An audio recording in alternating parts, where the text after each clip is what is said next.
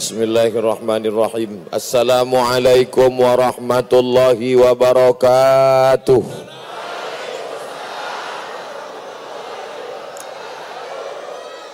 Apa kabar semua jamaah sehat?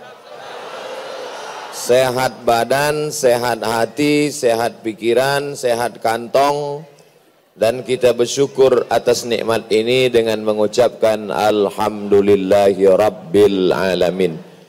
Di sini ada orang Jawa, ada orang Batak, ada orang Makassar.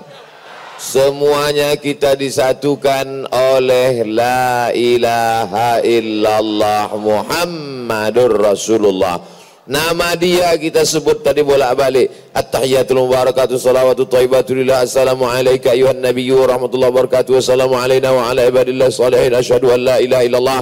Setelah nama Allah langsung nama dia wa ashhadu anna Muhammadar Rasulullah. Maka kita selawat untuk dia. Allahumma salli ala sayyidina Muhammad wa ala ali sayyidina Muhammad. Semua kita dapat syafaatnya masuk surga insyaallah. Judul pengajian kita malam ini hidup untuk apa? Pendek saja. Hidup untuk apa? Saya sampaikan selama 60 menit. Setelah 60 menit ini nanti akan ada tanya jawab tulis di kertas. Yang bisa saya jawab, yang tak bisa saya jawab, pura-pura saya simpan ke balik meja. Nanti saya bawa balik ke Pekanbaru Riau baru saya jawab. Ada orang kirim WhatsApp ke saya. Ustadz Somad, untuk apa saya ini hidup? Mengapa saya hidup? Untuk apa tujuan saya hidup ini kata dia. Sudah muak saya dengan hidup kata dia. Lalu saya balas WA dia. Kau cari jembatan, terjun kau ke bawah. Tak ada guna kau hidup, buat semak aja. Habis itu tak ada dibalas-balasnya lagi. Saya pula yang pucat. Jangan-jangan dia terjun betulan. Hidup ini harus kita syukuri Makanya tadi waktu kita buka mata pagi pertama kita ucapkan Alhamdulillahilladzi ahyana ba'dama amatana wa ilaihin nusyur. Segala puji bagi Allah yang sudah menghidupkan saya. Berapa banyak orang hidup tapi dia tidak mau hidup. Akhirnya dirusaknya hidup. Dirusaknya hidupnya. Apa kata Allah Ta'ala? La taqtulu anfusakum. Jangan kamu bunuh diri kamu. Diambilnya tali digantungnya leher ke atas hubungan rumah. Mati. Diminumnya racun tikus. Mati. Terjun ke sungai. Mati. Akhirnya sia-sia. Padahal hidup ini adalah karunia terbesar nikmat Allah Subhanahu wa taala. Alhamdulillah semua yang hadir malam ini orang-orang mensyukuri nikmat hidup. Banyak orang sekarang tak mensyukuri nikmat hidup. Habis duitnya untuk beli sabu-sabu, dihirup, makan pil anjing gila, minum kopi dicampur spiritus, panas tangkai jantung masuk ke dalam paret, mati. Dalam Islam diajarkan harus menjaga hidup. Islam ini menjaga lima ketika datang. Yang pertama, menjaga harta. Makanya tak boleh mencuri, tak boleh merampok, tak boleh jadi rentenir lintah darat, tak boleh mencekik leher orang, tak boleh zalim. Yang kedua Islam ini menjaga harta, yang kedua Islam ini menjaga kehormatan. Makanya tak boleh caci maki, tak boleh sumpah serapah, tak boleh ngejek orang, tak boleh menjuluki orang dengan nama-nama yang tak baik. Eh kentut, tak boleh. Tiga, Islam ini menjaga akal. Makanya akal dipelihara, tak boleh pakai sabu-sabu. Siapa yang pakai sabu-sabu penyakitnya gila, bodoh, error lama-lama mati sakau. Lalu kemudian Islam ini datang menjaga harta sudah menjaga akal sudah menjaga kehormatan sudah menjaga agama. Makanya Islam ini diajarkan jangan menistai agama menodai agama mengejek nabi mencela hukum Islam. Hifzuddin menjaga agama. Dan yang terakhir Islam menjaga nyawa nyawa dijaga dalam Islam Makanya tak boleh bunuh diri. Siapa yang mengambil pisau lalu ditusukkannya ke jantungnya mati. Di akhirat nanti dia akan mengambil pisau dari neraka, ditusuknya ke jantungnya pagi, petang, siang, malam, khalidan mukhallada fiha abada, kekal selama-lamanya dalam neraka. Nauzu Siapa yang matinya minum racun, maka di akhirat nanti dia akan meminum api neraka. Begitu habis masuk lagi, selesai habis minum lagi, khalidan mukhallada fiha abada. Makanya kalau ada kawan-kawan kita mau bunuh diri, harus kita tahan tangannya. Jangan kau bunuh diri. Jumpa perempuan di tepi jembatan, Barelang. Mau bunuh diri. Mobilnya mewah, duitnya satu koper, cantik pula mau bunuh diri, tahan tangannya. Kenapa kamu bunuh diri? Mantanku dilarikan pelakor, kata dia. Oh, tahan, jangan kau bunuh diri. Saya siap menyelamatkanmu, katakan. Tapi sayangnya ini cuma ada di sinetron aja. Jangan biarkan orang mengakhiri hidupnya. Habis makan, ada kepala ikan, ada lemak-lemak daging, ada sampah-sampah, dikumpul dalam plastik, masukkan ke tong sampah. Hari pertama, hari kedua, hari ketiga, begitu besok tukang tong sampah membuka, begitu dilihat apa yang ada di tempat tong sampah itu, belatung, ulat. Begitulah sebagian orang memahami hidup. Kata dia, sebetulnya aku tak pernah mau hidup Pak Ustadz. Aku ni sama macam belatung di tong sampah. Tiba-tiba ada di atas di dunia. Aku ini sebenarnya tak mau jadi manusia. Aku sebenarnya sudah lama mau jadi kelinci aja. Dalam Islam ini adalah takdir Allah. Abdul Somad memang dipilih Allah jadi orang Melayu di Riau. Dan hari ini ceramah di Kepulauan Riau. Kita tak bisa memilih takdir yang malam ini sudah ditakdirkan Allah jadi manusia, tiba-tiba ada yang mau jadi kucing. Bisa? Tak bisa. Tapi ada takdir yang kita pilih. Apa dia? Mau pengajian atau ke mall. Malam ini tak semuanya mau pengajian, tapi dia undi. Pengajian, mall. Pengajian, mall. Pengajian. Ah, kita lanjutkan lagi. Mall, pengajian, mall, pengajian, mall. Nah, itu makanya ada juga sebagian malam ini ke mall. Tapi Alhamdulillah, tabarakallah, Masya Allah, bawah penuh, atas penuh, melimpah ruah. Di bawah pula tadi saya tengok parkir banyak. Mudah-mudahan motor malam ini tak ada yang hilang. Pencuri-pencuri dikasih Allah hidayah insya Allah. Ban depan sudah digembok, rantainya sudah digembok, kunci stang sudah dipasang, ban belakang diikat pakai rantai besi tambatkan ke pokok pinang. Begitu pulang pengajian sama-sama pinangnya dilarikan orang tu. Takdir. Takdir Allah. Jangan sampai menyesal mengapalah pergi pengajian mengapalah tadi pergi masjid mengapalah tadi mengapa mengapa sampai jam 2 malam tak tidur-tidur mengapalah? Mengapalah motor ni hilang? Gara-gara pengajian. Siapa ini penyebab pengajian Gara-gara Ustaz Soman, Ustaz setan dia ini. Na'udzu. Oleh sebab itu dalam Islam ini kita dihajarkan menghormati hidup. Maka nikmat terbesar yang kita syukuri adalah nikmat hidup. Maaf, maaf, maaf, maaf. Beribu maaf. Mungkin cakap saya ini tak sopan, tak layak mungkin cakap saya ini tak betul tapi mesti saya jelaskan menyembur sperma 300 ribu isinya. Tapi yang 200 ribu sekian mati tak jelas. Yang tinggal cuma satu yang satu itulah yang berenang sampai ke sel ovum membuahi sel telur akhirnya jadilah seorang anak tapi berapa banyak anak yang prematur keguguran, meninggal dunia. Tapi ada pula anak yang lahir. Setelah lahir ke atas dunia, tariknya napas, meninggal, kena asap, ispa nama penyakitnya. Sampai akhirnya orang tuanya pun karena waktu itu belum kasih nama. Siapa nama anakmu? Almarhumah Ispawati. Karena meninggal kena asap. Berapa banyak anak yang meninggal tak sempat remaja. Ada juga yang sampai SD, akhirnya sekolah, datang kawannya ngajak ngelem, dihirup lem, mati kena lem. Inilah mati yang paling jelek. Si Anu mati kenapa? Sambar geledek, keren kan? Si Anu mati kenapa? Lem kambing. Ada juga yang hidup sampai SMP, akhirnya ngebut, motor ke sana, pergi ke sana, pergi ke sana, nabrak yang listrik, mati. Ada juga yang sampai SMA, akhirnya pacaran, berebut perempuan, tikam-tikaman, mati. Ada juga sampai kuliah, sampai semester 7, semester 8, cabut semester 14, tak sarjana-sarjana, balik kampung, malu, bunuh diri, mati. Tapi kita sampai malam ini masih hidup sehat walafiat. Saya lahir 1977, sekarang 2019, sudah 24 tahun hidup dalam keadaan sehat walafiat.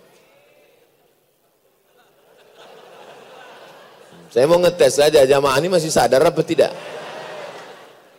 Saudaraku yang dimuliakan Allah Subhanahu wa taala, maka yang pertama kali yang ingin saya sampaikan bahwa hidup kita bukan macam belatung di tong sampah, hidup kita bukan kebetulan, hidup ini adalah anugerah nikmat karunia Allah, mesti kita syukuri dengan lidah alhamdulillah. Disyukuri dengan amal perbuatan, bangun malam tahajud, pagi duha, solat sunat, puasa sunat, banyak-banyak bersilaturahim, itu cara mensyukuri. Alhamdulillah wa syukrulillah bersyukur padamu ya Allah. Ada sebagian orang menganggap dengan menyanyi itu dia sudah bersyukur. Kau udah bersyukur sama Allah? Alhamdulillah. Itu bukan syukur, itu nyanyi. Nabi bersyukur kepada Allah atas nikmat hidup bagaimana sampai bengkak kedua kakinya. Kenapa kakinya bengkak? Karena tegaknya lama. Kenapa tegaknya lama? Karena ayatnya panjang. Kenapa ayatnya panjang? Saya pun tak tahu.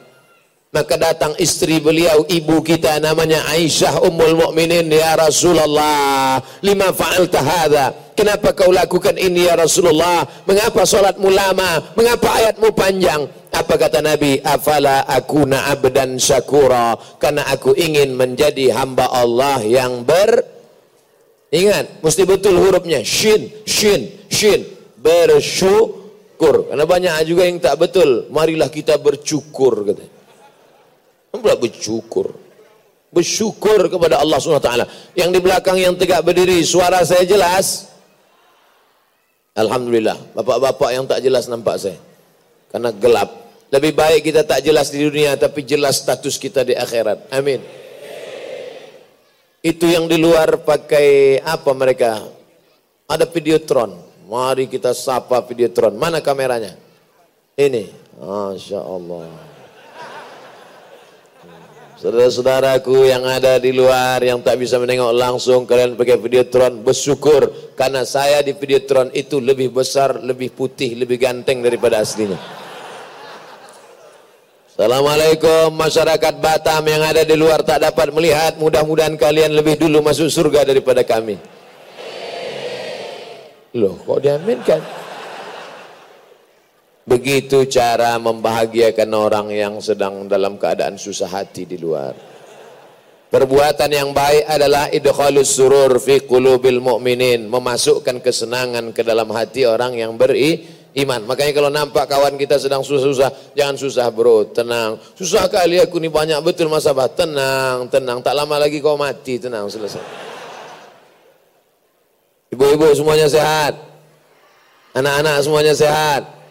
Bapak-bapak semuanya sehat. Mudah-mudahan suami ibu sampai akhir hayat tidak dilarikan pelakor.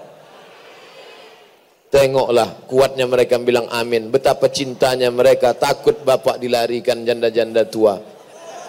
Takbir. Tengok kuatnya mereka bertakbir. Betapa mereka juga mencintai ibu Nun yang jauh di sana. Yang suaminya tak ikut pengajian berarti lakinya Fir'aun. Mudah-mudahan balik dari sini dibukakan Allah pintu hidayah. Ya Allah, ibu-ibu yang malam ini datang suaminya belum ngaji, dia baru nyuruh istrinya saja. Bang, aku mau ngaji. Ah, pergilah, pergi, pergi, pergi, pergi, pergi, pergi. Abang mau ke mana? Aku mau main gaple dulu. Ya Allah, bukakan pintu hidayah pada mereka, ya Allah. Tapi kalau sudah kami doakan tak juga terbuka pintu hidayah, tenggelamkan mereka di laut merah, ya Allah. Jangan diaminkan. Dan kan mati lakinya sanggup kalian menyelamatkan IGGI ini. IGGI, Ikatan Janda-Janda Indonesia. Maka nikmat yang perlu kita syukuri yang pertama adalah nikmat hi hidup. Habis 20 menit. Baru membahas nikmat hidup saja sudah habis 20 menit. Sekarang barulah kita bahas untuk apa kita hidup. Jawabannya ada dalam Al-Quran. Surat Al-Muluk. Surat Al-Muluk. Juz 29. Surat yang pertama. A'udzubillahi minasyaitonirrajim. Saya tahu semua yang menjawab ini hanya keterpaksaan saja. Bismillahirrahmanirrahim. Tabarakalladzi biyadihil mulku Tabarakalladzi biyadihil mulku. Maha suci Allah yang dalam genggaman kudrat iradat Allah segala kekuasaan. Kalau hari ini ada yang berkuasa itu bukan karena engkau. Kalau hari ini ada yang kaya itu bukan harta engkau. Kalau hari ini jabatanmu tinggi itu juga bukan karena usaha engkau. Tapi karena Allah ingin memberikan amanah kepada engkau. Kalau hari ini ilmumu banyak itu karena hadiah Allah. Tapi jangan lupa nanti diminta Allah tanggung jawab. Kalau hari ini followermu banyak itu bukan karena Instagrammu mantap. Tapi karena Allah ingin menguji keimananmu. Apakah kau akan ria? Apakah kau akan sombong? Alladzi khalaqal mauta. Ah, ini dia jawabannya. Kenapa kita hidup? Alladzi khalaqal mauta. Allah yang menciptakan mati wal hayata. Allah yang menciptakan hidup. Untuk apa Allah buat hidup? Ada mati, ada mati, ada hidup. Sekarang jam 8.25 ada yang menangis di rumah sakit karena lahir. Rumah sakit, klinik bersalin. Tapi di rumah sakit yang sama, di lantai atas, di kamar samping, saat ini juga jam 8.25 ada yang menangis karena melepas orang yang mati. Papa, kenapa meninggalkan mama sendiri? Ibu kenapa nangis? Warisannya sedikit kali. Saudara yang dimuliakan Allah Subhanahu wa taala. Tapi hari ini Abdul Somad masih hidup. Hari ini ibu-ibu masih hidup. Hari ini bapak-bapak masih hidup. Untuk apa kita hidup? Liyabluwakum ayyukum ahsanu amala. Satu tujuan hidup. Allah ingin menguji siapa yang paling baik, siapa yang paling hebat, siapa yang paling kuat amala amalnya ini kita di masjid ini tak ditengok siapa yang paling kaya siapa yang paling banyak hartanya. Tinggal siapa yang paling tinggi jabatan kekuasaannya. Pensiun siapa yang paling ganteng rupanya. Paling mancung hidungnya. Siapa yang paling mancung? Itu yang paling dikejar cacing tanah. Karena hidung ini akan membusuk menjadi bronis Siapa yang paling mancung, siapa yang paling ganteng, ah, itulah yang nanti yang dikejar cacing tanah. Apa kata cacing-cacing begitu nengok dia mati? Bronis, bronis, bronis, bronis. Maka bersyukurlah yang pesek-pesek. Alhamdulillah. Banyak juga yang bersyukur ternyata. Saudara yang dimuliakan Allah Subhanahu wa taala. Oleh sebab itu maka selagi hayat di kandung badan, selama ruh ada bersemayam dalam jasad, maka kita tak pernah berhenti beramal. Fa idza farata fansab. Kalau kau selesai dari satu amal pindah ke amal lain. Ustaz Abdul Somad memangnya beramal? Tadi malam amal dimulai jam 4 subuh saya dibangunkan. Ustaz Somad bangun subuh. Setelah bangun subuh mandi bersih-bersih. Habis itu sholat tahajud habis itu sholat witir habis itu pergi ke masjid Sampai di masjid pula berjumpa dengan anak-anak muda. Lalu kemudian pergi pula pengajian. Habis itu peresmian masjid agung terbesar di Pulau Sumatera. Bangga jadi orang Batam. Masjid terbesar di Pulau Sumatera ada di kota Batam. Takbir. Yang cuma takbir aja. Ya, siapa yang sholat berjamaah di situ nanti?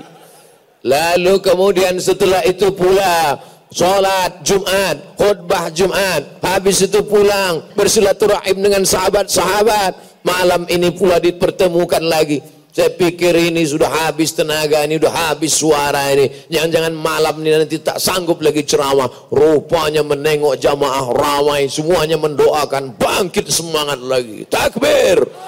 Bangkit semangat. Nanti pas sudah pulang baru loyo balik. Loyo balik. Makanya harus sering-sering berjumpa orang banyak, bangkit semangat, bangkit jihad, bangkit hati, bangkit jantung, bangkit nafas. Jangan mau sendirian, letoy, loyo, lunglai, lesu, bawaan mau mati, datang setan, hancu, mati. Nauzubillah. Lalu kemudian nanti pulang dari sini, apalagi yang mau dikerjakan, harus ada amal, jangan pernah kosong, kosong, kosong. Karena begitu kosong, di situlah setan akan masuk. Makanya anak-anak muda mesti ada terus program. Subuh tadi Masya Allah, datang anak muda dari KNPI, datang anak muda dari Pemuda Pancasila, datang anak-anak muda dari komunitas uh, biker subuhan, datang pula macam-macam komunitas datang. Tapi ingat, begitu hari berganti musim berubah, iman turun, setan naik. Malam ini setan turun, iman naik. Keluar dari masjid, iman turun, setan naik. Apalagi kita di tepi pantai, banyak tempat jalan-jalan, banyak tempat-tempat gelap, banyak taman-taman. Berkawanlah dengan kawan yang menambah ah, amal. Kalau kawan ini kira-kira merusak amal, jangan. Kenapa kau tak mau lagi berkawan dengan saya? Karena aku tengok mukamu merusak amal saja. Ditulis di keningnya, perusak amal. PA, perusak amal.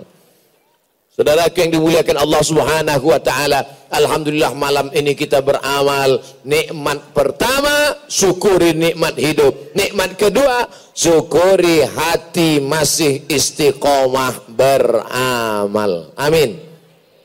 Tapi Bapak, Ibu, adik-adik, kawan-kawan, sahabat-sahabat, ada sebagian orang menganggap yang namanya amal ini sholat, yang namanya amal ini baca Quran, yang namanya amal ini berzikir, yang namanya amal ini puasa sunat, yang namanya amal ini sholat. Bukan, itu adalah ibadah. Nanti kita bahas nomor dua. Yang dimaksud dengan amal adalah semua aktivitas pekerjaan di kantor, rumah makan, di tepi jalan, yang semuanya karena Allah maka dia akan bernilai amal soleh. Semuanya kita ini rugi. Innal insana lafi khusri. Ibu-ibu rugi, adik-adik rugi, bapak-bapak rugi.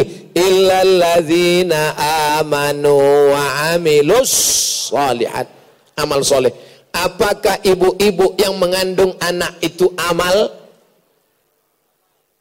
Ibu-ibu masih ada? Ibu-ibu kemarin mengandung anak 9 bulan 10 hari menyusukan anak 2 tahun melahirkan anak meregang nyawa, enam jahitan robek kulitnya. Apakah mengandung anak, melahirkan anak, menyusukan anak itu amal? Oh, ngaku semua amal.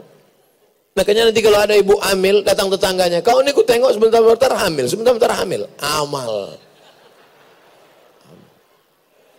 Dengan ikhlas karena Allah maka amal. Makanya perempuan yang hamil kalau meninggal dunia matinya mati syah Syahid.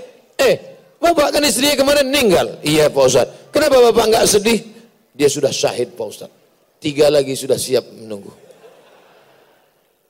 Saudara yang dimuliakan Allah Subhanahu wa taala, apakah bapak-bapak yang pagi keluar rumah habis sholat subuh membawa barang dagangan, ada yang jual es krim, ada yang jual sayur, ada yang jual jamu, ada yang jual baju, ada yang jual jilbab.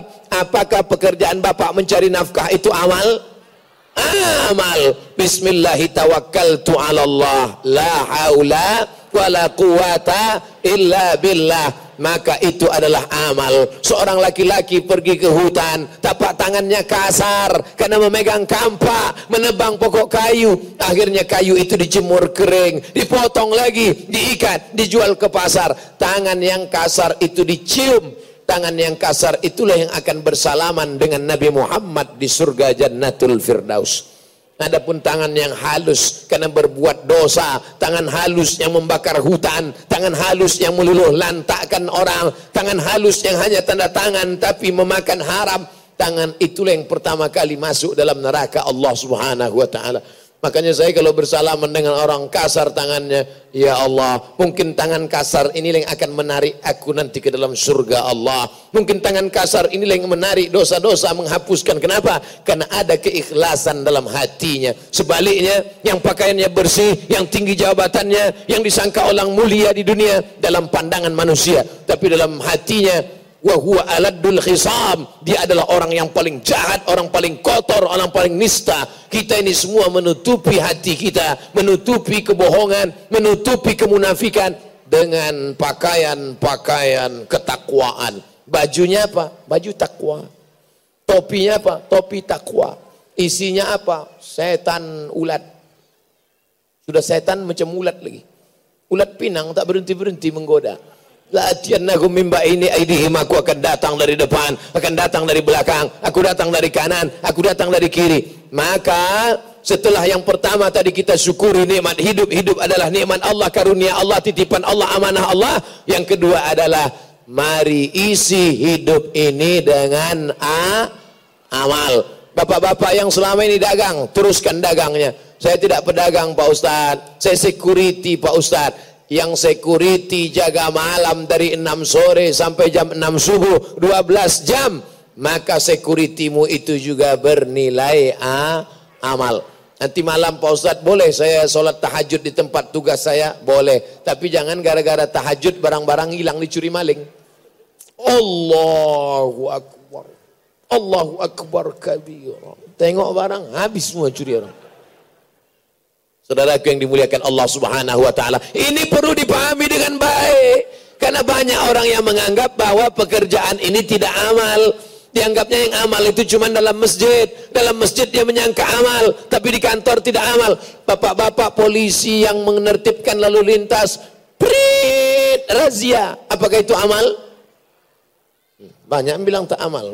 Nampaknya sering kena tilang ini amal, menertibkan lalu lintas, menyuruh orang pakai helm, menertibkan perjalanan supaya lancar, bernilai amal, bernilai amal. Dengan syarat diniatkan karena lillahi ta'ala. Seorang ibu tua menjual ikan di tepi sungai, ikan ini dijemurnya, lalu kemudian datang orang membeli, yang tak laku dikasihnya garam menjadi ikan asin menjadi amal di hadapan Allah Subhanahu wa taala. Maka selama kita hidup ini beramal beramal beramal sampai akhirnya malaikat maut mencabut nyawa pada saat itu kita mendapatkan husnul khatimah. Tapi syarat husnul khatimah mesti ada istiqamah. Mudah-mudahan kita semuanya istiqamah insyaallah. Amin. Ya rabbal alamin. Apa yang mau Ustaz bicarakan malam ini? Tak banyak, tiga saja. Yang pertama, syukuri nikmat hidup. Yang kedua, jadikan hidup ini isinya amal. Yang ketiga, yang terakhir, setelah beramal, ada satu lagi yang akan dihitung di hadapan Allah. Itulah dia yang disebut Allah Subhanahu wa taala, "Wa ma khalaqatul jinna wal insa illa liya'budun." Tujuan hidup yang kedua adalah beribadah. Kalau cuma beribadah gimana kami bisa masuk WC buang air besar buang air kecil. Kalau hidup ini cuma ibadah gimana kami bisa makan? Kalau hidup ini cuma ibadah gimana kami bisa masuk kantor? Masuk kantornya bernilai ibadah dengan syarat disebut nama Allah. Bismillahirrahmanirrahim. La haula wala quwata illa billah. Masuk WC, tuh WC sebelah kiri. Masuk WC pun bernilai ibadah dengan syarat apa? WC tempat setan, WC tempat kotoran, WC tempat najis bau. Kenapa WC bisa menjadi tempat ibadah? Ini tempat ibadah kan sini, WC bukan tempat ibadah. Bernilai ibadah dengan syarat sebelum masuk kaki kiri ikut sunnah. Allahumma inni a'udzubika minal khubuthi wal minum Minum bukan ibadah. Semua orang minum. Kucing pun minum. Ayam pun minum. Ikan? Ikan minum apa tidak? Belum pernah saya nengok ikan minum. Maka minum juga bernilai ibadah. Dengan syarat apa? Dengan syarat ikut sunnah Nabi. Minum pakai tangan kanan dan ucapkan Bismillah. Bismillahirrahmanirrahim.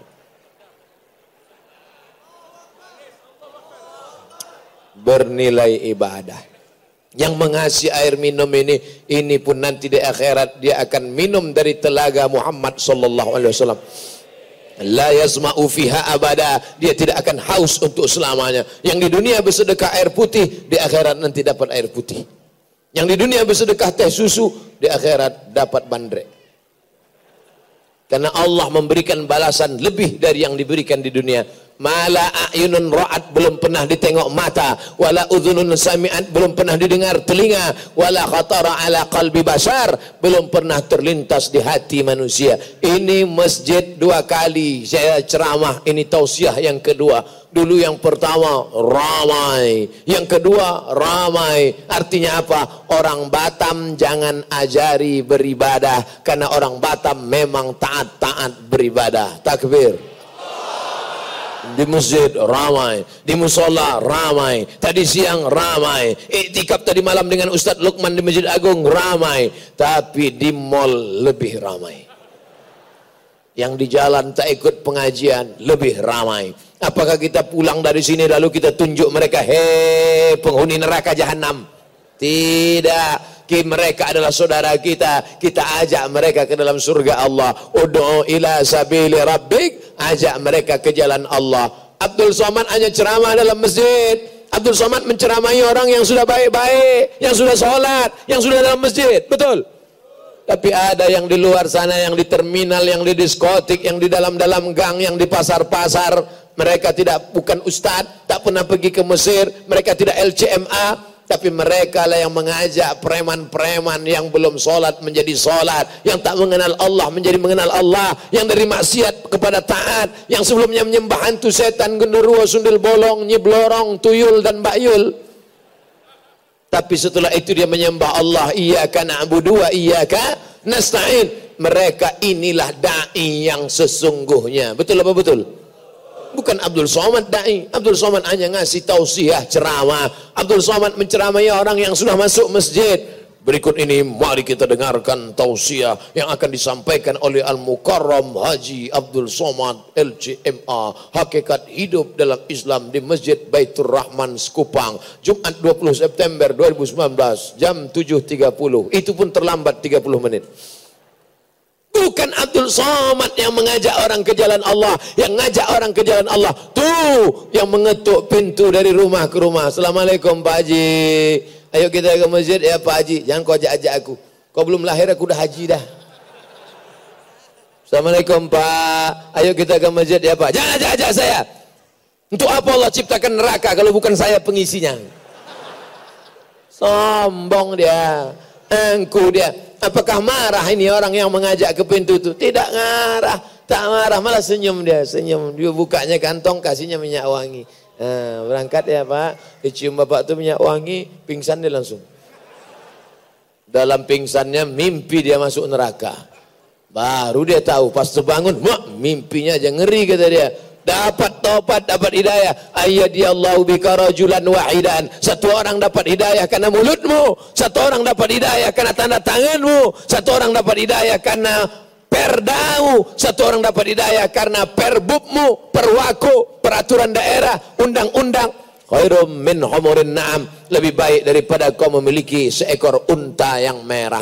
Unta merah kendaraan termahal zaman Nabi Shallallahu Alaihi Wasallam. Kalau zaman sekarang mungkin Ferrari lah itu. Ferrari pintu satu. Katanya mobil ini makin sedikit pintunya makin mahal. Lamborghini lebih mahal. Ferrari mahal. Pintunya satu. 2020 nanti keluar mobil tak berpintu sama sekali. Lompat aja macam truk sawit. Saudara yang dimuliakan Allah. Ibu-ibu mau dapat mobil tak berpintu? Tak ada yang mau. Mahal. Apa maknanya? Kendaraan unta merah termahal zaman Nabi hanya didapatkan bukan oleh Abdul Somad. Tapi siapa yang mendapatkannya? Orang yang mengajak ke jalan Allah. Oleh sebab itu masjid yang sudah besar ini ramaikan dengan solat berjamaah. Yang pertama, syukuri nikmat hidup. Yang kedua, banyak-banyak beramal. Yang ketiga, banyak-banyak beribadah. Mensyukuri nikmat hidup saya paham Pak Ustaz. Alhamdulillah. Tapi membedakan antara amal dengan ibadah ini saya belum bisa Pak Ustaz. Saya ulang sekali lagi. Yang namanya amal itu amal adalah aktivitas sehari-hari. Makan, makan itu jadi amal. Tapi dengan syarat sebut nama Allah. Allahumma barik lana fi ma razaqtana wa qina azab. Benar. Pakai baju ini amal. Tapi dengan syarat masukkan dulu tangan kanan. Kalau membuka dengan tangan kiri. Menyebut nama Allah. Bercermin menengok muka. di kaca itu amal tapi dengan syarat baca doa Allahumma kama hassanta khalqi fahassin khuluqi ada juga orang nengok muka dia di cermin bukan itu doa dia Allahu la qayyum la ta'khudhuhu sinatun wa Kenapa kau baca ayat kursi nengok mukamu? Rupanya habis mencukur alis mata. Tengoknya, sangkanya hantu. Rupanya muka dia. Nah, yang cukur-cukur alis mata jangan tersinggung. Nanti tersinggung laporkan pula ke Pak Kapolsek. Saudara yang dimuliakan Allah Subhanahu wa taala, yang dimaksud dengan amal adalah aktivitas sehari-hari. Tidur, tidur itu amal. Semua tidur, ayam tidur, kucing tidur. Kenapa tidur bisa jadi amal? Karena disebut nama Allah. Bismika Allahumma ahya. Jangan baca sekarang. Nanti begitu habis dibaca langsung melep langsung. Nah, langsung lima watt, nah, langsung tidur.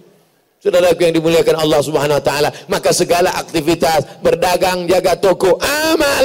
Jadi kalau ada orang meninggalkan tokonya, Alhamdulillah di samping masjid kita banyak toko-toko jual-jual pakaian jual. Masih ada toko-toko lagi? Alhamdulillah. Hadir bersama kita malam ini banyak juga para tokoh-tokoh Kepulauan Riau. Ada toko baju, ada toko besi, ada toko macam-macam toko. Saudaraku yang dimuliakan Allah Subhanahu wa taala, at-tajiru saduqul amin, pedagang yang menjaga tokonya tapi dia saduk jujur, al-amin al-amanah, menjaga tokonya dia tidak perlu korupsi, menjaga tokonya dia tidak perlu zalim pada orang lain, menjaga tokonya tapi timbangannya tidak curang. Ma'an nabiyyin nanti di akhirat dia dibangkitkan bersama para nabi wasiddiqin bersama orang-orang yang jujur. Wasyuhada bersama orang yang mati syahid. Wan nabiyyin bersama para nabi. Oleh sebab itu mereka yang jaga toko juga sedang bera, beramal. Tapi jaga toko kalau dengar azan ayyala salat. Ke masjid apa tak ke masjid? Ke masjid. Jangan sampai besok jaga toko Hayya ala salat. Dia tenang aja situ. Kau tak ke masjid? Ini juga amal. Jaga toko itu amal, tapi ke masjid adalah ibadah. Ibadah. Sampai di sini paham bisa dibedakan antara amal dengan ibadah? Apa dalil amal? Surat Al-Mulk juz 29. Alladzi khalaqal mauta wal hayata liyabluwakum ayyukum ahsanu amala. Apa dalil ibadah? Wa ma khalaqtul jinna wal insa illa budun. Itu ibadah. Salat ibadah, puasa sunat ibadah, Senin Kamis ibadah, puasa Asyura ibadah, puasa Ayamul Bait 13 14 15 ibadah, tawaf haji dan umrah sa'i ibadah, melontar jumrah ibadah, baca Quran ibadah. Tapi makan, minum, bekerja, cari rezeki itu adalah amal dengan syarat menyebut nama Allah Subhanahu wa taala. Orang yang kerja di kantor dari jam 8 pagi sampai jam 4 sore, amal apa ibadah? Amal. Ibu yang masak sarapan pagi untuk anak sekolah, nasi goreng, lontong sayur, ayam penyet, apakah amal atau ibadah? Amal dengan niat karena Allah Subhanahu wa taala, menggoreng karena Allah. Kalau istrinya masak karena Allah, maka tidak akan mungkin dicampurnya dengan macam-macam. Tapi kalau dia marah pada suaminya, tidak niat karena Allah, marah dia. Suami itu pula mengamuk-ngamuk, ah di ludahnya.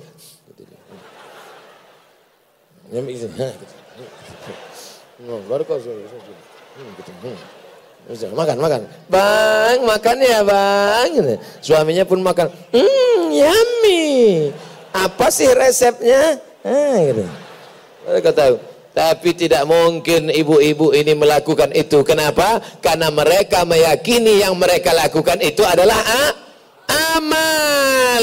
Telur ayamnya pun tidak langsung dia langsung ini ada nih pakai telur ayam, ambil telur ayam ceplok, puh, tampu, tampu. Itu telur ayam baru saja keluar dari lubang ciri ayam.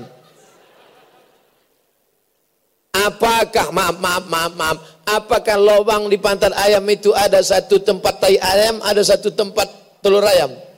Tidak, lubangnya sama bro. Oleh sebab itu najis, maka cuci dulu. Kulit telur ayam cuci dulu. Ini enggak apa. Campur dengan bawang, campur dengan martabak Mesir. Mana pula ada di Mesir macam itu? Hati-hati. Makanya jangan sembarangan memakan makanan. Makanlah makanan yang memasak itu memahami bahwa yang dimasaknya itu adalah ah, amal. Ini pakaian kencing, ini najis, ini sempak kotor anak kecil habis buang air kecil, lalu kemudian dicampurkan dengan jilbab, dicampurkan dengan telekung, dicampurkan dengan mukena, dicampur dengan kain, masuk ke dalam laundry, tidak dengan air, hanya dengan uap. Habis itu kering, jemur, pakai. Sah tak dibawa sembahyang? Mana sah? Tak kena air. Makanya masukkan dulu siram dengan air suci mensucikan, baru pencet. Habis itu langsung jemur, tidak dibilas, bercampur antara najis dengan kotoran. Kotor tak bisa dibawa solat. Kenapa tidak dibilas? Sekali kucek tanpa bilas. Ya, ibu-ibu mesti paham ini. Akhirnya solat bapak tidak diterima, ibadah tidak diterima karena amalnya tidak baik. Makanya ngaji, ngaji, ngaji, ngaji fikih sama ustadz uh, fulan ngaji fikih, ngaji hadis, ngaji tafsir. Untuk di Batam ini tidak kekurangan guru-guru kita begitu banyak. Itu di Masjid Jabal Arafah ada Ustaz Haruna Hasim, ada banyak LC-LC dari Mesir. LC itu artinya LC artinya licence. LC kepanjangan dari licence. SAG artinya sarjana agama. Licence artinya ijazah. Artinya orang ini sudah dapat ijazah mengajar. Itu LC. Tapi banyak juga orang, LC itu apa Pak Ustaz? Lulusan Kairo. Tapi ada juga yang LC itu apa Ustaz? Lama di Kairo. Tak selesai lama di Kairo. Saudaraku yang dimuliakan Allah Subhanahu wa taala, ini jam ni kenapa tak berubah-berubah? Oh, udah berubah. Udah jam 20.45. Tadi saya tengok jam 38 aja, rupanya derajat Celcius. Patutlah panas minta ampun. Saudara yang dimuliakan Allah Subhanahu wa taala. Sekarang kita bahas masalah ibadah. Salat ibadah apa amal? Ibadah. Baca Quran ibadah apa amal? Ibadah. Tapi itu namanya ibadah badan. Salat itu ibadah badan. Allahu akbar. Allahu akbar kabira walhamdulillah katsira subhanallah bukrata wa asila. Allahu akbar. Bismillahirrahmanirrahim. Itu namanya ibadah badan. Subhanallah walhamdulillah wala ilaha illallah wallahu akbar. Subhanallah tawaf di samping Ka'bah. Itu ibadah apa amal? ibadah. Tapi namanya ibadah badan. Karena kakinya bergerak mulutnya bergerak. A'udzubillahi minasyaitonir rajim Bismillahirrahmanirrahim. Yasin wal Qur'anil Hakim. Innaka laminal mursalin. Baca Yasin itu ibadah apa amal?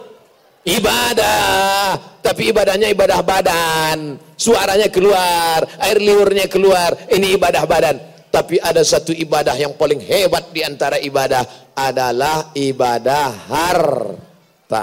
Ibadah harta. Mana dia contoh ibadah harta? Nih, beli. Ini keramik apa apa namanya ini? Ini bukan keramik ini. Ini marmer mahal ini. Ini menunjukkan orang Batam ini duitnya banyak. Betul? Ah, dinding pun dikasihnya. Padahal di tempat lain lantuk lantai ini. Ah, ini sini untuk dinding sampai ke atas, memanjat-manjat sampai ke atap. Masya Allah, tabarakallah. Jamnya pula di sini satu, di depan satu. Oh, jam otomatis. Cik. Oh, pas mati PLN, mati semua. Kipas angin pula, ke mana-mana kipas. Tengok kipas di mana-mana. Hmm, tapi panasnya minta ampun. Ada AC? Belum lagi. Nah, sekarang ini AC-nya baru AC angin cepat aja. Tapi ke depan kita doakan ada orang-orang Batam yang mau beribadah harta insya Allah. Yang cuma amin aja, duit itu keluar kan. Mana kotak-kotak, kotak. Tadi saya ceramah biasanya ada kotak. Ini kenapa orang Batam ini tak keluar kotak? Rupanya di Batam tidak lagi sedekah pakai kotak, langsung transfer banking. Wah, Berapa masjid itu perlu Pak Ustaz? Langsung dikeluarkannya HP, langsung transfer banking. Bagi anda yang ingin bersedekah, kirimkan ke nomor rekening bank. Nah, ini tak ada pula. Cuma ditulis siapkan infak terbaik. Bapak Ibu semuanya mesti menabung di Bank Riau Kepri Syariah. Amin. Mana syariahnya? Kenapa tak ada? Bank Riau Kepri Syariah. Jangan konvensional. Konvensional riba haram. Bank Riau Kepri Syariah. Nah, kalau yang di bawah itu itu bukan bank, itu Ustadz Abdul Somad. Itu singkatan dari UAS, ujian akhir semester. Saudara yang dimuliakan Allah Subhanahu wa taala, siapalah agaknya dulu yang mewakafkan tanah ini sudah berpuluh-puluh tahun sejak adanya otorita Batam sampai hari ini berapa orang sholat isya tadi, berapa yang jamaah hadir malam ini, maka mengalir pahalanya untuk mereka yang sudah mewakafkan tanah ini. Adapun yang punya tanah, hotel besar, megah, mewah, rumah, mobil, tinggal semuanya. Siapa dulu yang ngasih semen? Siapa dulu yang ngasih kipas angin? Siapa dulu yang mengasih atap? Siapa yang memasukkan listrik? Mengalir ke makamnya. Oleh sebab itu kalau kau sanggup bangun masjid, bangun masjid. Tak sanggup bangun masjid, kasih semen. Tak sanggup kasih semen, kasih kerikil. Kerikil pun tak sanggup, kasih pasir. Pasir, apa susahnya? Sewa satu truk, ambil pasir tepi pantai, antar kemari. Tak juga bisa ngasih pasir, mati aja lah. Untuk apa guna hidup? Saudara yang dimuliakan Allah Subhanahu wa taala, tiba-tiba besok datang orang ke masjid ini, saya tersinggung dengan ceramah Ustaz Somad tadi malam. Masa dia bilang kita di Batam ini panas? Pasang semua AC, pasang, pasang, pasang, pasang, pasang, pasang. Siapa yang bayar, Pak? Mana saya tahu kata dia. Pasang bayarlah. Saya tak ingin besok tiba-tiba datang ke pengurus. Pak pengurus masjid. Iya, apa lagi yang perlu kita pasang? Mana lagi yang perlu? Karpet kita perlu diganti karena sudah usang, karena sudah buruk, karena sudah tipis. Ganti, berapa gulung semuanya? Berapa semua yang perlu Pak? Bapak mau bantu? Enggak, menanya-nanya aja gitu. Saudara yang dimuliakan Allah Subhanahu wa taala. Bayangkan kalau masjid kita ini pakai AC, karpetnya tebal, maka insya Allah banyak yang datang kemari mau tidur siang.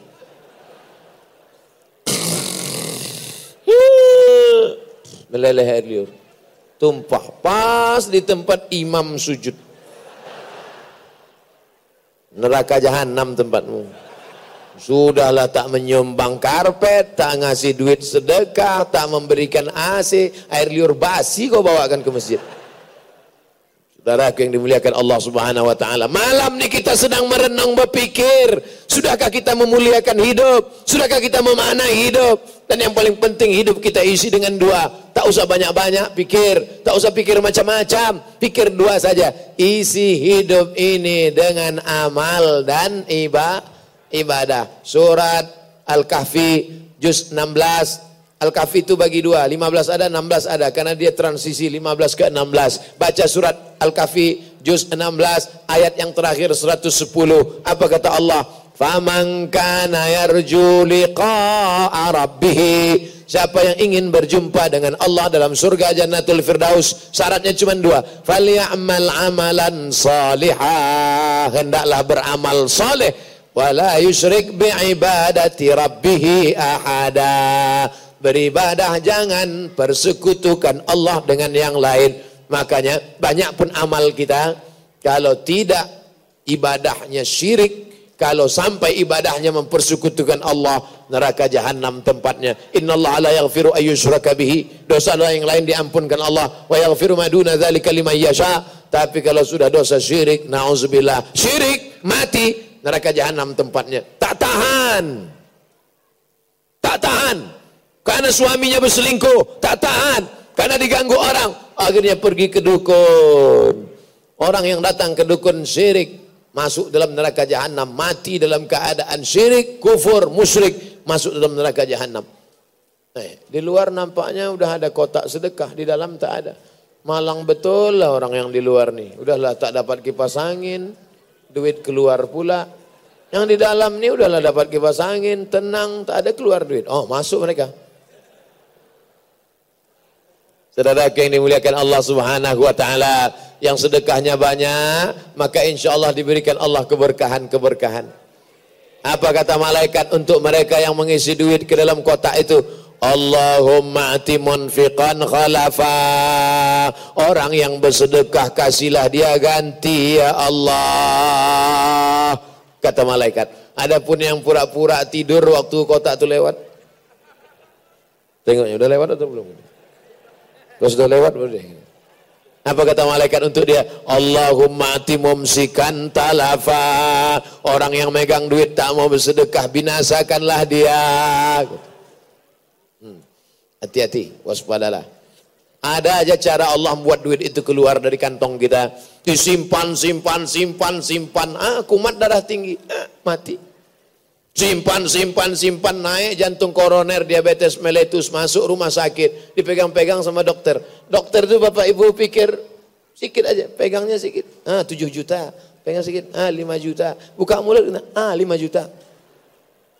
Selesai, habis. Padahal kalau mau dimasukkan ke situ dalam 5 juta, udah bisa beli AC satu. Masukkan 7 juta, udah bisa memperbaiki karpet 1 meter. Masukkan 10 juta, tapi kadang orang bakhil, pelit. Siapa nama dia? Bakhil bin Pelit bin Kikir bin Kedekut bin Medit bin Sempili. Lengkap nasab dia, enam nama bapak-bapaknya. Oleh sebab itu yang dipelitkan ini apa? Kita akan mati menghadap Allah Subhanahu wa taala. Duit yang disimpan hari ini disimpan disimpan disimpan di bank, mati rekening penuh, habis diambil istri, bapak semua akan mati dimakan cacing tanah, rekening mereka simpan, mereka akan nikah lagi dengan bronis, berondong manis. Betul kan, Bu? mereka tak ada, diam aja dia.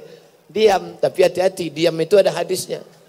Diam itu ada hadisnya. Apa hadisnya Pak Ustaz? As-sukutu alamatur ridha. Diam tanda iya. Saudara yang dimuliakan Allah, Dasar Ustadz Somad ini memanas-manasi orang aja, provokator dia ini gitu. Tidak, saya cuma cerita aja. Saya cuma bercerita tentang fakta dan data. Nanti dibelikannya duit bapak yang di bank, bapak tumpuk-tumpuk yang tak pernah bersedekah itu. Nanti duit bapak itu dibelikannya motor besar. Pagi-pagi jalan-jalan mereka. Mana makam suamimu yang lama? Tak bisa lagi tunjuknya pakai tangan. Pak saya tunjuknya pakai kaki. Saking tak lagi ada kenangan. Oh Ustadz Somad bercerita fakta dan data. Ya, berapa banyak orang mencari harta pagi, petang, siang, malam. Tapi tak sempat menikmatinya. Cari, cari, cari, kumpul. Cari, cari, cari, simpan. Cari, cari, cari, masukkan ke koper. Cari, cari, cari, masukkan ke bank. Tak pernah dinikmati. Akhirnya mati meninggal dunia. Makan nasi pun takut. Bapak nggak makan nasi? Takut. Kenapa? Nasi manis Nasi itu ternyata ada gulanya. Makanya kalau ditinggalkan nasi dikerubuni semut karena nasi ada gulanya. Takut kena diabetes. Bapak tak makan kambing? Takut kolesterol. Tak makan gonggong? Takut menggunggung. Bapak tak makan kepiting? Takut sakit kepala, pening di belakang, migrain. Takut semuanya. Tak pernah dinikmati. Masuk ke rumah makan mewah. Semua makanan ada. Kepiting ada, ikan hiu ada, lumba-lumba ada. Ini rumah makan apa kebun binatang? Lalu kemudian pelayannya datang, silakan makan bapak, saya belum bisa makan. Silakan makan pak, semua sudah datang, makanan saya belum datang. Makanan bapak mana? Semua menu sudah ada. Satu belum ada. Apa itu? Rebus kentang pakai garam. Rebus kentang tak pakai garam. Garam pun tak bisa karena takut darah tinggi yang kebetulan nasibnya sama yang dengan yang saya ceramahkan ini jangan tersinggung. Karena orang tersinggung cepat mati. Saudaraku yang dimuliakan Allah Subhanahu wa taala, saya cuma mau mengingatkan nikmati harta itu, bukan nikmati foya-foya, bukan nikmati pergi ke diskotik, bukan nikmati pergi ke gunung, ke pantai, ke mall. Menikmatinya adalah dengan apa? dengan nikmat kekal abadi yang tak putus untuk selamanya sedekah wakaf infak zakat. Zakat wakaf. Infak sedekah. Zakat serahkan ke Basnas Badan Amil Zakat Nasional Kota Batam. Infak sedekah bagikan ke masjid. Insya Allah selesai acara ini terkumpul duit dibelikan karpet sholat orang berjamaah mengalir berkahnya pada semua yang bersedekah insya Allah amin Saudaraku yang dimuliakan Allah Subhanahu wa taala, tadi saya sampaikan tausiah ini jam 8, sekarang sudah jam 8.58, 2 menit lagi selesai 60 menit lamanya sesuai dengan yang tertulis di botol 30 30 selesai. Saya sudah 11 tahun berumah tangga, belum dapat anak. Mohon doa Ustaz, semoga dapat keturunan yang baik-baik. Malam ini bapak sama ibu yang belum punya anak tahajud Habis sholat tahajud, sebelum witir sholat hajat. Usolli sunnatal hajat. Tak usah disebutkan hajatnya. Usolli sunnatal hajat, udah 11 tahun gak punya anak, ingin punya anak laki-laki. Kalau bisa ya Allah lillahi ta'ala, tak usah perlu. Dalam hati aja. Usolli sunnatal hajat. Rakaataini lillahi ta'ala. Allahu Akbar. Ayatnya bebas. Iftitah Fatihah. Ayat rakaat kedua. Al-Fatihah ayat di sujud terakhir Allahu Akbar. Nah, di situlah doa panjang-panjang lama-lama tapi tak usah diucapkan di mulut dalam hati saja. Ya Allah, aku ingin punya anak ya Allah. Ngadunya sama Allah, jangan ngadunya di wall Facebook. Aku ingin punya anak. Apa yang kau pikirkan pagi ini kata Facebook? Facebook itu kan itu aja kerjanya. Apa yang kau pikirkan pagi ini? Ah, ngadu dia di wall Facebook. Aku sudah 11 tahun nikah nggak punya anak. Ah, datang komen-komen sama aku aja ya. Facebook tuh hantu semua isinya itu. Cuman Facebook yang baik ada juga yang ngajak pengajian. Makanya share lah di dalamnya yang baik-baik. Mudah-mudahan kita semuanya mendapatkan kebaikan dari internet-internet itu insya Allah. Tapi tetap nanti di akhir majelis kita doakan semua. Mudah-mudahan yang belum nikah ditemukan dengan jodoh yang soleh solehah. Yang belum punya anak dikasih anak Allah anak anaknya sehat-sehat jadi penghafal Quran. Jangan takut, jangan cemas. Allah bersama orang-orang yang sabar. Innallaha ma'as sabirin. Allah bersama orang yang sabar. Sabar menantikan kedatangan anak. Gimana hukumnya jika kita bermakmum pada orang yang baju ketat? Cari yang tak ketat. Pada saat sujud tersingkap auratnya. Bajunya baju kaos. Pendek pula. Celananya celana jeans. Jadi kalau dia mau pas sujud, pas ruku, pas sujud Allahu Akbar kaos itu tarik ke atas. Jeans itu ke bawah. Apa sujud nampak LC, lubang ciri. Tapi LC itu bukan lubang ciri. Orang yang sholat nampak lubang ciri sholatnya batal. Maka kalau imamnya batal makmumnya juga ba batal. Hai orang-orang yang sholat panjangkan baju kalian pakai celana yang panjang ke atas jangan panjang ke bawah. Nah pakai ikat pinggang.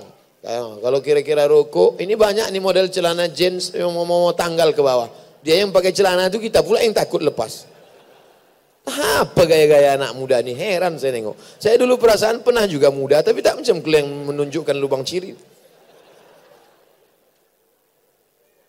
Syarat sah solat menutup aurat. Aurat laki-laki dari pusat sampai ke lutut. Kalau terbuka maka solatnya batal. Karena syarat sah solat. Kalau batal imam, batal juga makmum. Hati-hati berimam sama orang yang terbuka. Mazhab LC tadi. Gimana jika pada saat sholat ada anak perempuan lima tahun menyentuh kita? Lima tahun tak batal, budak kecil. Emaknya baru batal. Budak kecil lima tahun.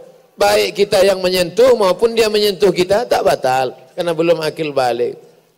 Nenek-nenek Pak Ustaz tengok dulu kalau cantik batal.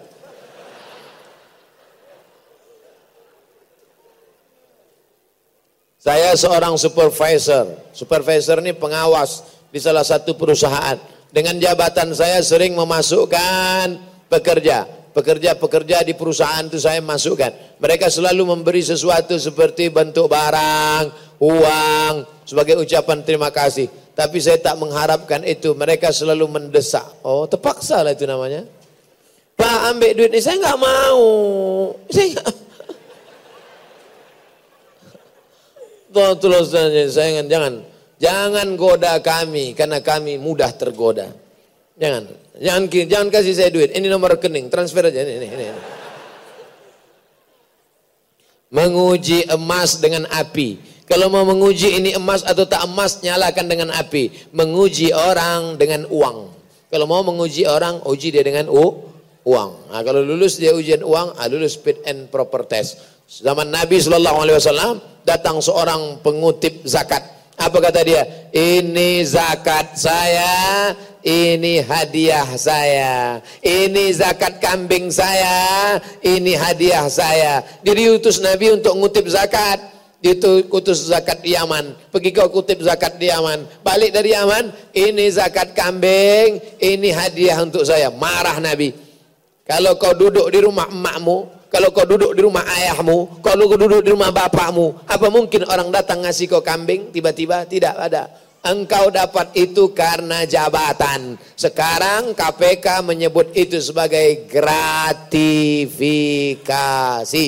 Kalau tertangkap sedang serah terima OTT, operasi tangkap tangan. Oleh sebab itu hati-hati. Makanya dulu ada orang menikah, pejabat menikahkan anaknya, itu dibongkar KPK kotaknya itu karena tak mungkin kado. Masa kado isinya 1 M?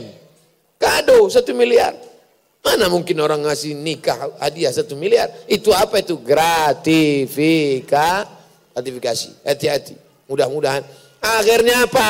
Kita tidak lagi op, kita tidak lagi objektif menilai pekerjaan.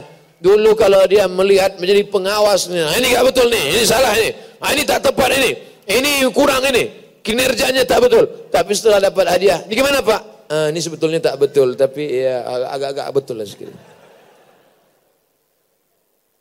Hati-hati dengan gratifikasi. Pak Ustadz saya sangat menyayangi orang tua. Saya pun sayang juga, bukan ente aja. Menyayangi anak, menyayangi suami dan sesama yang saya tanyakan. Apakah saya salah kalau saya berharap doa dari orang tua, anak, suami dan sesama juga menyayangi saya. Dan berharap mereka juga menyayangi saya. Saya berharap mudah-mudahan semua jamaah mendoakan saya istiqomah dan husnul khatimah. Salahkah saya berharap doa jamaah?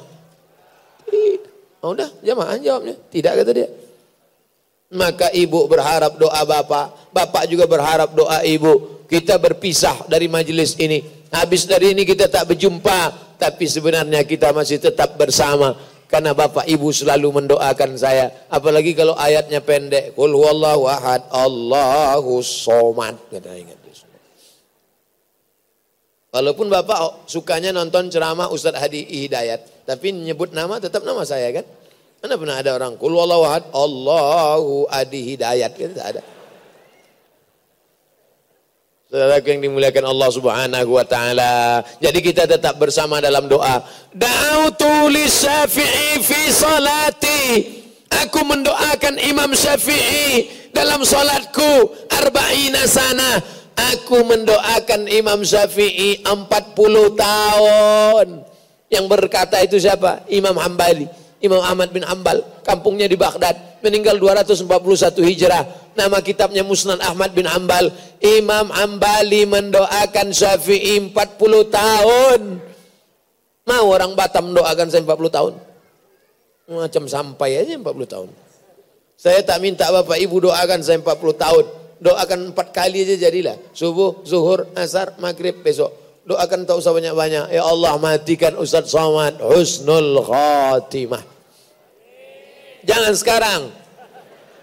Kasihlah sempatan agak-agak berapa bulan lagi. Mau cepat aja jamaah ini kita mati. Bagaimana cara membimbing istri yang sering merasa jadi babu dalam rumah tangga? Kenapa kau suruh dia kerja semua? Kalau dia nampak cuci piring, bantulah dia. Piring banyak, bantu agak satu. Hmm. Bantu satu. Kau bukan babu istriku. Cuman kau kebetulan dapat suami yang susah macam aku. Kau doakan murah-murah rezeki, insya Allah nanti ku tambah satu lagi. Untuk menjadi kawan kau di sini. Apa kata kau? Kata dia. Ya ambilnya pisau tu langsung. Ha, kata potong. Aslinya bapak carikan pembantu untuk menolong dia. Itu hukum aslinya. Tapi karena bapak susah, tak bisa menolong, paling tidak tolonglah dia dengan kata-kata. Sabar ya ma, sabar. Kau tak lama ini, tak lama. Tak lama kau susah macam ini bilang. Ini udahlah tak bisa mencarikan pembantu, dibuatnya pula macam pembantu, salah sakap sikit aja, pang biru je mata. Pang merah, pom gagal habis gigi. Ustaz Ustaz Somad, itu bini si pulan itu, itu gigi tak ada yang asli lagi. Habis semua, asal marah sedikit, pang tanggal.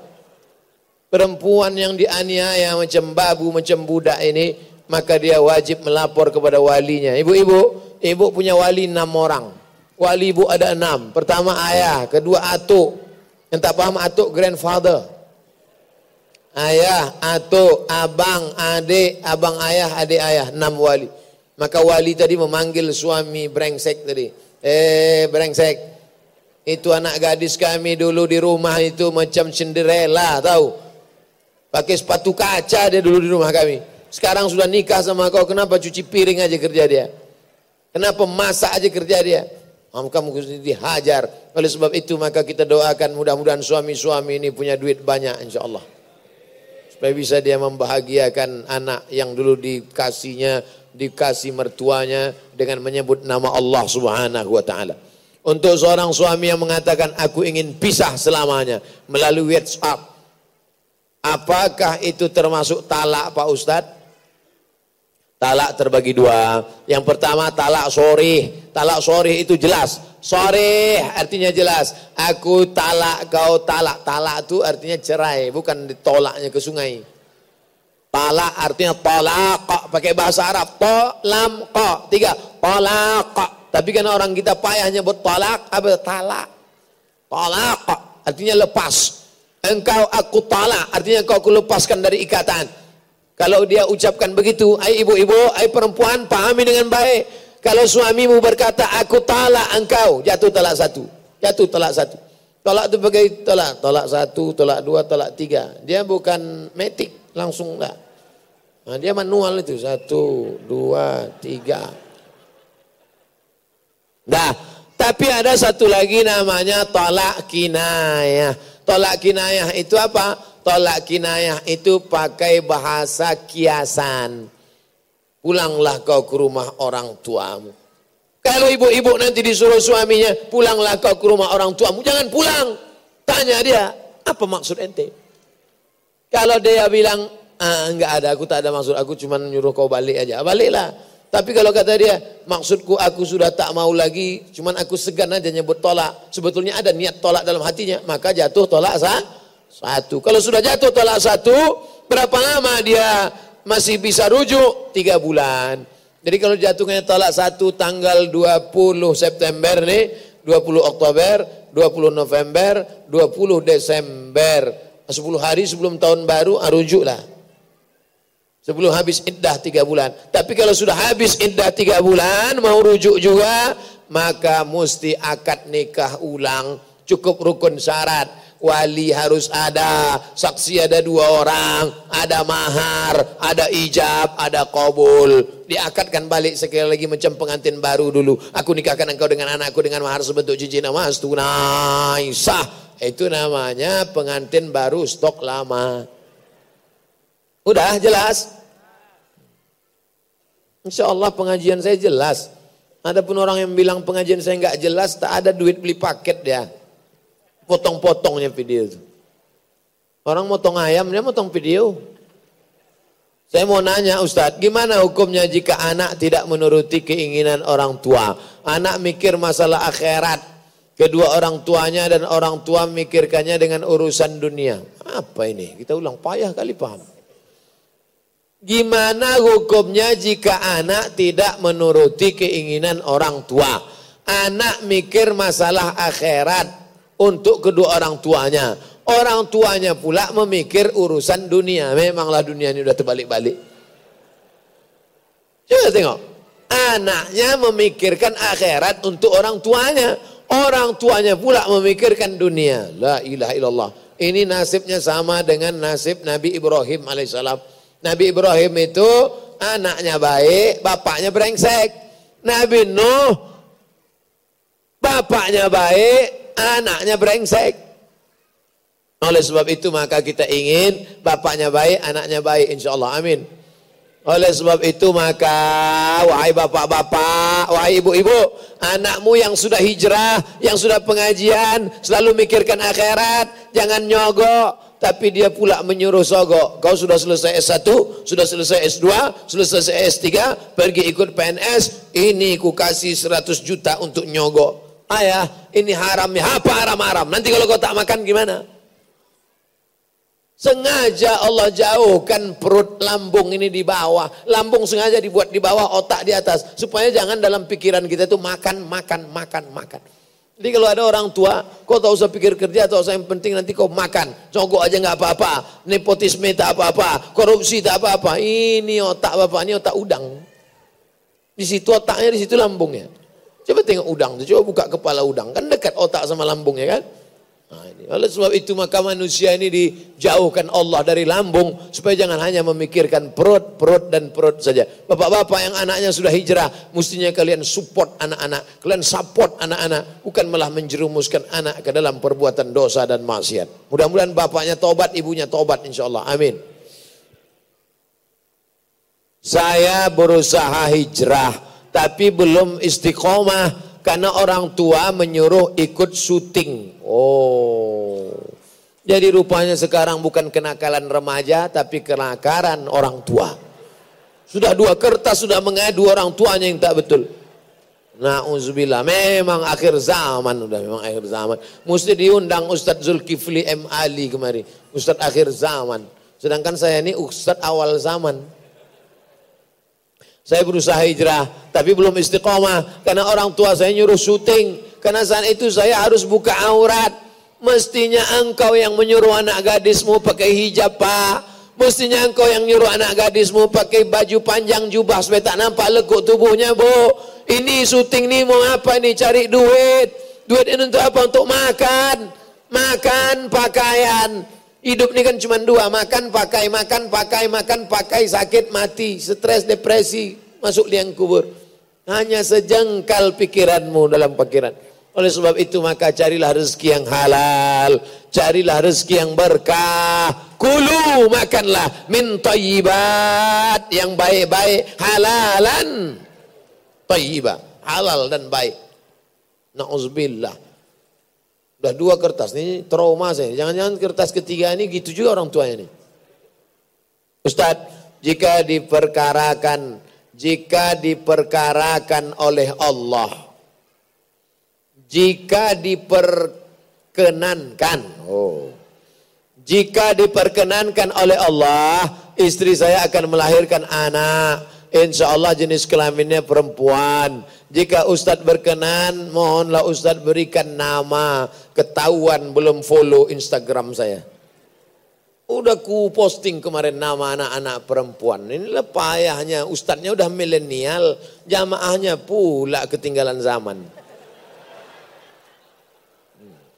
Nih saya posting sudah nama anak-anak perempuan. Tengok ya. Nah, makanya kalian cari-cari lah. Ustadz Abdul Somad official. Nama anak-anak perempuan. Eh, macet pula signal di sini. Berebut-rebutan signal rupanya kita. Ini nama anak-anak perempuan. Saya bacakan nama anak perempuan. Nama anak perempuan, Nuaira. Kan panggilnya enak kan? Nuaira. Apa arti Nuaira? Secercah cahaya. Dua, nada. Masya Allah. Siapa nama anaknya? Nada. Apa arti nada? Embun. Sejuk kita nengok anak itu. Embun lah pula. Tiga, inaya. Siapa namanya? Inaya. Inaya artinya karunia Allah. Empat, atia. Atia artinya anugerah Allah. Lima, adiba. Adiba artinya beradab, berbudi, pekerti. Enam, nadira. Siapa namanya? Nadira. Apa artinya? Tiada bandingannya. Anak saya ini Pak Ustadz, tak ada bandingannya. Apanya? Jahatnya. Enggak. Tak ada bandingan akhlaknya, suaranya, patuhnya, taatnya. Tujuh, suhaila. Artinya kemudahan. Allah berikan kemudahan dalam hidupnya. Rezekinya mudah, jodohnya mudah, anaknya mudah. Nazifa, artinya bersih. Ini anak saya Pak Ustadz, siapa namanya? Nazifa. Masya Allah, telinga berkurap. Tak betul. Naziha. Siapa namanya? Naziha. Ini anak yang terakhir. Siapa namanya? Sifa. Oh, berapa semua anak? Sembilan. Wah, banyak ah. Kok banyak kali anaknya? Ini Pak Ustadz sembilan, emaknya tiga. Oh. Yang dua udah meninggal. Ibu mau marah aja. Nah, jelas. Udah ada semua. Nama anak laki-laki Pak Ustaz. Anak laki-laki pun udah diposting juga nih. Ha, ini nama anak-anak laki-laki. Udah. Siapa nama anak laki-laki? Pertama, Matin. Kan keren. Siapa nama anaknya? Matin. Matin artinya strong, kuat. Kalau saya gabung Arab dengan Inggris, mantap. Siapa nama anak-anaknya? Matin Strong. Dua, Nidal. Siapa namanya? Nidal. Artinya apa? Perjuangan. Mantap. Siapa namanya? Mujtaba. Mujtaba artinya manusia pilihan. Ini ada satu lagi nama anaknya Azka Azkia. Ah, ini gelar Nabi Muhammad. Salamu alaik Azkal Azkia. Azka Azkia. Tersuci di antara yang suci. Azka Azkia. Paling takwa di antara yang takwa. Siapa namanya? Sami. Sami artinya orang agung dan mulia. Siapa namanya? Sumesi. Sumesi artinya matahari kecilku. Sebelumnya hari ini gelap aja Pak Ustaz. Sejak lahir anakku ini terang semuanya. Matahari kecilku. Kenapa gelap? Berasap. Ini nama anaknya siapa? Nujaimi. Ah, Nujaimi artinya apa? Bintang kecilku. Ini nama anaknya siapa? Awal mustakbal. Oh keren. Awal mustakbal. Harapan masa depan. Ah, ibu pun bangga kalau udah sebut datang. Ini anak saya namanya amal mustakbal, harapan masa depan. Kalau bapaknya masa lalu. Haidar ilahi. Ilahi artinya Allah, Tuhanku. Haidar singa. Ini siapa anaknya? Singa Allah. Apa beda singa sama anjing? Anjing menggonggong, orang tak takut. Singa diam aja takut. Anaknya mau jadi singa apa jadi anjing? Singa. Ustadz nih ngomongnya anjing-anjing sebut. Ah, ada anjing dalam Quran, anjing Ashabul Kahfi. Lebih baik jadi anjing Ashabul Kahfi menjaga ulama disebut dalam Quran daripada menjadi orang yang mengkhianati ulama. Betul? Takbir. Tapi jangan gara-gara ini balik dari sini semua beli anjing. Saya dari Tembilahan Riau. Wah, inilah jamaah yang paling jauh dengar pengajian. Dari Tembilahan. Sekolah di Ponpes Tajul Alawin Habib Bahar bin Smith. Masya Allah. Saya ingin bertanya, apa benar orang yang bernasab habaib itu nasabnya sampai ke Rasulullah Sallallahu Alaihi Wasallam?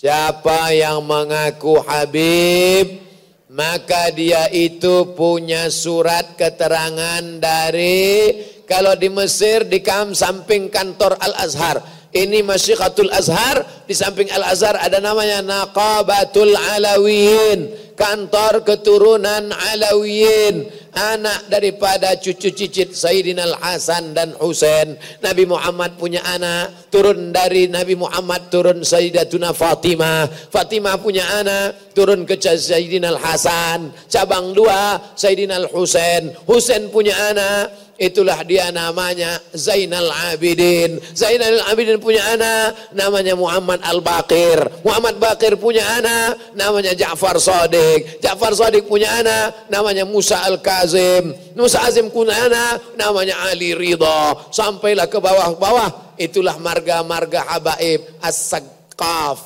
As-Sakaf. Tapi karena orang Indonesia payah nyebut As-Sakaf. Apa itu? As-Segaf.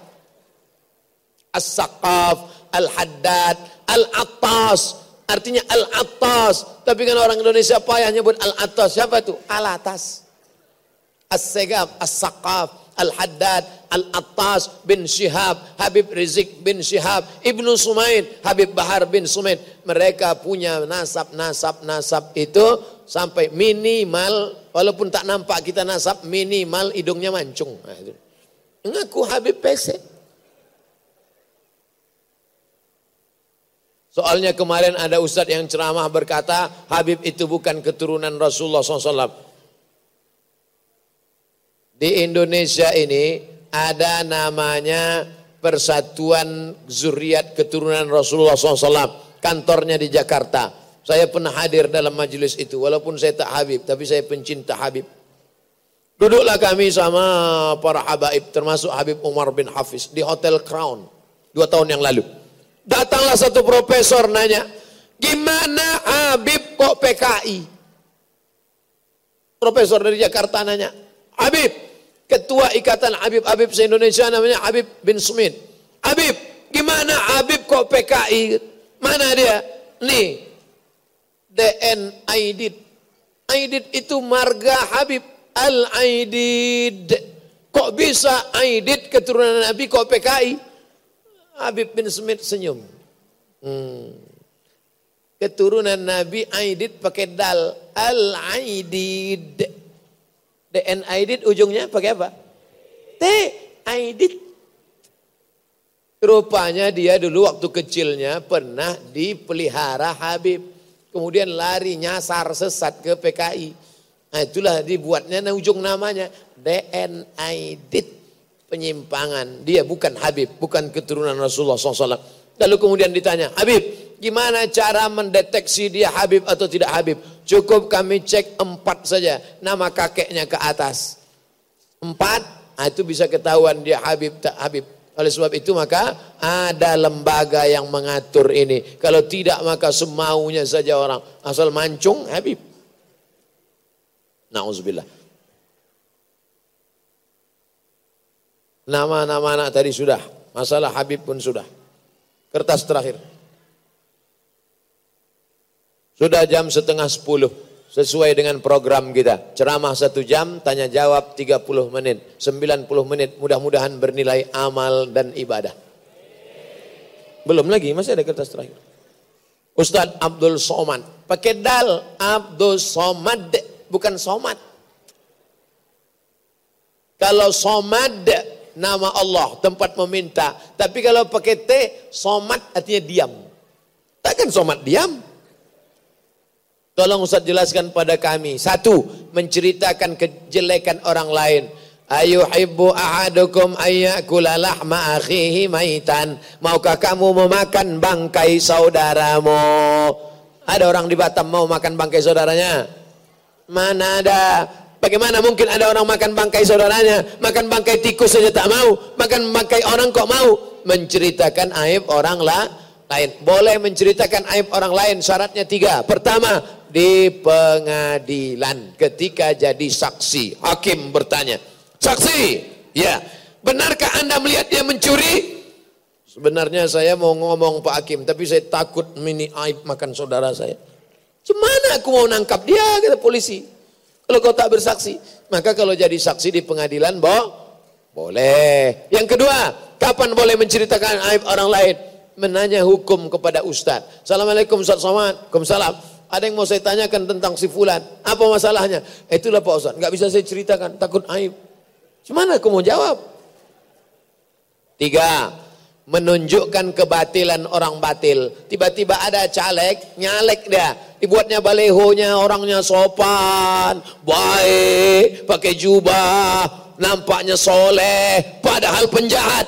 Maka mesti disampaikan ke masyarakat, ini topeng aja, ini penjahat, ini tak betul. Tapi sekedar untuk liibtalil batil wa ihqaqil haq, menunjukkan yang hak dan membatilkan yang batil batil. Supaya masyarakat jangan sampai salah, batil, betul, betul, batil, yang batil sangka betul, betul, sangka batil. Dua, apa hukum memecah belah orang lain? Sedang memecah belah gelas, tak boleh, apa lagi memecah belah orang lain? La tanaza'u, jangan pecah belah. Fatafshalu, nanti kamu gagal. Watadhabari hukum, kehilangan semangat. Jangan kelahi. Kalau sudah kelahi, pecah belah, kehilangan semangat. Wa'tasimu bihablillahi jami'an wa la tafarraqu. Bersatu padu menolong agama Allah. Nanti kalau ada pengajian-pengajian terus hadir. Habib fulan datang, hadir. Pengajian fulan datang, Habib datang. Untuk apa? Menjaga persatuan umat Islam di Batam insyaallah. Amin. Apa hukumnya mau tahu semua urusan orang? Nah, ini biasanya wartawan. Dia mau tahu urusan orang untuk berita. Tapi kalau tidak ada wartawan bagaimana mungkin kita sampai berita-berita yang baik-baik. Maka wartawan juga bisa menjadikan pekerjaannya sebagai ah, amal. Malam ini tunjukkan majelis pengajian di masjid. Masjid apa nih? Masjid Baitur Rahman di Batam, ambil foto dari atas, ambil foto dari luar, tunjukkan pakai drone. Wartawan sudah menyebarkan pengajian, terinspirasi, terinspirasi masjid-masjid lain mau buat pengajian, mereka pakai pula drone. Maka sudah menjadi amal. Maka ingin tahu kejadian boleh, tapi hanya sekedar menikmati aib, cacat, kekurangan orang lain. Dalam Islam kita diajarkan tuba Liman syaghalahu aibuhu an uyubin nas. Kata Nabi, berbahagialah orang yang sibuk memikirkan aibnya, kekurangannya, cacatnya sehingga dia tak sempat memikirkan aib orang lain. Mari kita sama-sama berdoa kepada Allah untuk kebaikan Batam, kebaikan kita di masa akan datang. Ala hadhihi niyah wa kulli niyatin salihah al-Fatihah.